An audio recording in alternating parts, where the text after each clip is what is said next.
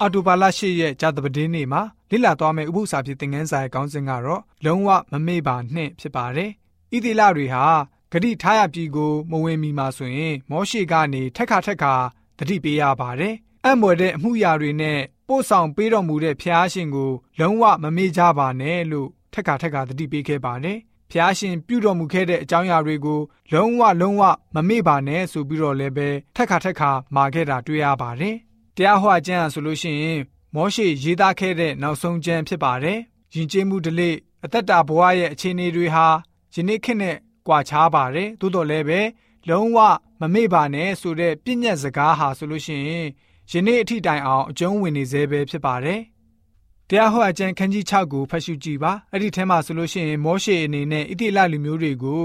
ဖျားရှင်ကိုမမေ့ဖို့အဓိကပြောထားတယ်ဆိုတာကိုတွေ့ရမှာပဲဖြစ်ပါတယ်။ ဖျားရှင်အံ့မွယ်ပြုတော်မူတဲ့အရာတွေကိုကျွန်တော်တို့ရဲ့သားသမီးတွေကိုတွင်တင်ပြောပြပေးရပါမယ်။ပြီးတဲ့နောက်မောရှေဆိုလို့ရှိရင်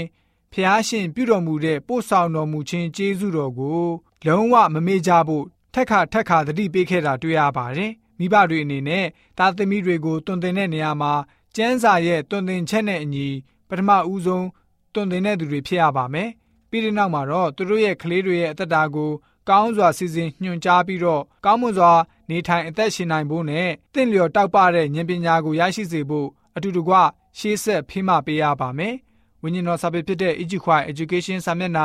185မှာဆိုလို့ရှိရင်ဘယ်လိုမျိုးဖော်ပြထားလဲဆိုတော့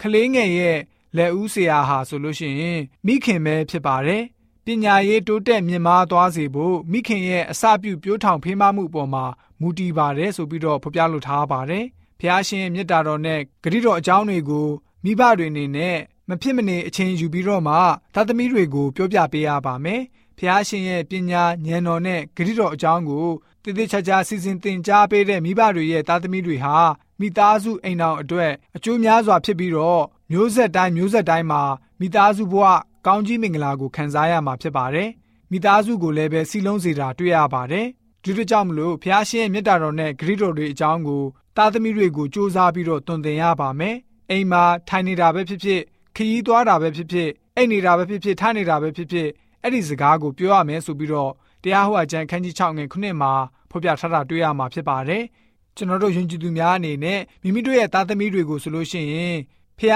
ရှင်ဟာကောင်းမြတ်တယ်ဖះရှင်ဆိုလို့ရှိရင်မဆပို့ဆောင်ပေးခဲ့တယ်အဲ့ဒီအရာတွေကိုဆိုလို့ရှိရင်မမေ့ဖို့ အမြဲပြောနေတယ်လို့မိမိကိုယ်တိုင်ကလည်းပဲဖះရှင်ရဲ့ပို့ဆောင်မှုကိုပြန်လည်ရည်တွက်ပြီးတော့မိသားစုနဲ့အတူတူဖះဘက်မှာတစ္ဆာရှိစွာယက်တည်တဲ့ယုံကြည်သူမိသားစုတွေဖြစ်စေဖို့အတွက်ကြာသပတေးနေ့ဥပုသ္စာဖြစ်တဲ့ငန်းစာကဖော်ပြပေးထားပါတယ်။